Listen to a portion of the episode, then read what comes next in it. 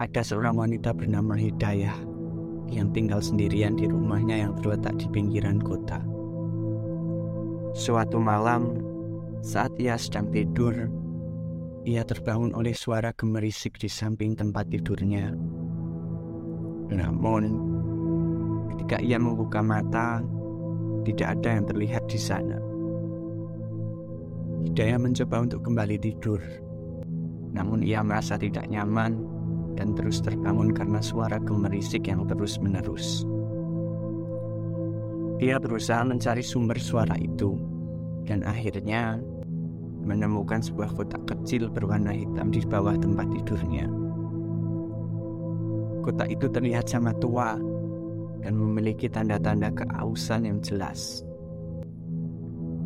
Daya merasa penasaran dan membuka kotak itu.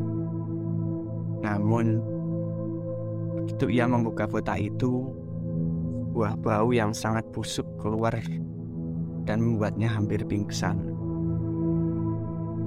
Saat ia mencoba mengamati lebih dekat isi kotak itu, ia melihat sebuah surat yang tertulis dengan tulisan tangan.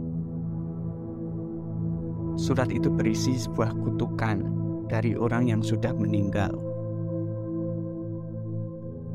Kutukan itu menyebutkan bahwa siapa pun yang membuka kotak itu akan diserang oleh makhluk halus yang sangat mengerikan. Dayan merasa sangat takut dan panik. Ia segera mengembalikan kotak itu ke tempat semula dan mencoba menghibur dirinya dengan berdoa. Namun, ketika ia memejamkan mata, ia merasakan bahwa ada sesuatu yang menyentuh tubuhnya dan membuatnya merinding. Sejak itu, Hidayah tidak lagi bisa tidur nyenyak karena ia merasa selalu diawasi oleh makhluk halus yang tidak terlihat. Ia menyesal telah membuka kotak itu dan berharap ia bisa melupakan semua kejadian tersebut. Namun, bayangan itu selalu menghantuinya di malam hari dan ia merasa bahwa ia tidak pernah benar-benar sendirian di rumahnya.